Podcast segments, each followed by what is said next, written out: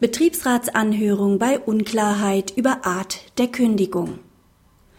Der Arbeitgeber darf den Betriebsrat zu einer Beendigungs- und gleichzeitig zu einer Änderungskündigung anhören, wenn die Kündigungsart allein vom weiteren Vorgehen des Arbeitnehmers abhängt und der relevante Kündigungssachverhalt für beide Fälle feststeht.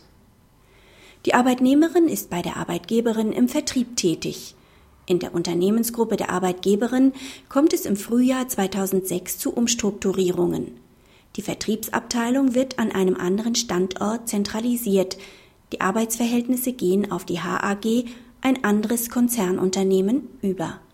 Die Arbeitnehmerin wird im April 2007 hierüber informiert. Ihr wird eine Weiterbeschäftigung an der Vertriebszentrale bei der HAG angeboten. Mit Schreiben vom 14.05.2007 hört die Arbeitgeberin den Betriebsrat zur beabsichtigten Änderungskündigung der Arbeitnehmerin an. Für den Fall aber, dass die Arbeitnehmerin dem Betriebsübergang noch widerspricht, wird ausdrücklich eine Beendigungskündigung angekündigt. Am 21.05.2007 widerspricht die Arbeitnehmerin tatsächlich dem Übergang ihres Arbeitsverhältnisses. Am 5.06.2007 erhält sie von der Arbeitgeberin eine Beendigungskündigung. Sie erhebt Kündigungsschutzklage und begründet diese auch mit der nicht ordnungsgemäßen Anhörung des Betriebsrats vor Ausspruch der Kündigung. In der zweiten Instanz vor dem Landesarbeitsgericht obsiegt die Arbeitnehmerin. Das Bundesarbeitsgericht gibt der Revision der Arbeitgeberin statt und verweist die Sache an das Landesarbeitsgericht zurück. Die Kündigung ist nicht wegen eines Verstoßes gegen 102 Absatz 1 Beta VG unwirksam, denn die Arbeitgeberin hat den Betriebsrat ordnungsgemäß angehört. Zwar gilt allgemein, dass ein Arbeitgeber das Anhörungsverfahren nicht einleiten darf, wenn er seine Kündigungsabsicht noch nicht verwirklichen kann oder will. Die Kündigungsüberlegungen stehen dann noch unter dem Vorbehalt der weiteren Entwicklung. In Fällen einer solchen Vorratsanhörung wäre es dem Betriebsrat nicht möglich, sich zu einem konkreten Kündigungssachverhalt zu äußern.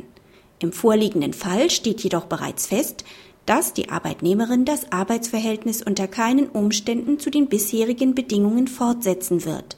Die Arbeitgeberin zeigt im Anhörungsschreiben den Kündigungssachverhalt für beide in Frage kommenden Alternativen klar auf. Ob eine Änderungs- oder eine Beendigungskündigung auszusprechen ist, hängt allein davon ab, ob die Arbeitnehmerin dem Übergang ihres Arbeitsverhältnisses noch widerspricht oder nicht. Der erfolgte Widerspruch bedeutet hier keine wesentliche Änderung der Umstände, die eine erneute Betriebsratsanhörung erforderlich machen würde. Praxishinweis. Auch nach der vorliegenden Entscheidung, die der Redaktion erst kürzlich zugegangen ist, gilt, Vorratsanhörungen sind unzulässig. Ausnahmen von diesem Grundsatz sind rar. Neben der vorliegenden Situation ist in der Rechtsprechung anerkannt, dass der Arbeitgeber den Betriebsrat zur Kündigung eines schwerbehinderten Arbeitnehmers anhören darf, bevor er das Zustimmungsverfahren einleitet. Verfolgt der Arbeitgeber sein ursprüngliches Kündigungsvorhaben auch nach Zustimmung des Integrationsamts weiter und hat sich der Sachverhalt nicht geändert, bedarf es keiner neuerlichen Anhörung nach Erlass des Zustimmungsbescheids.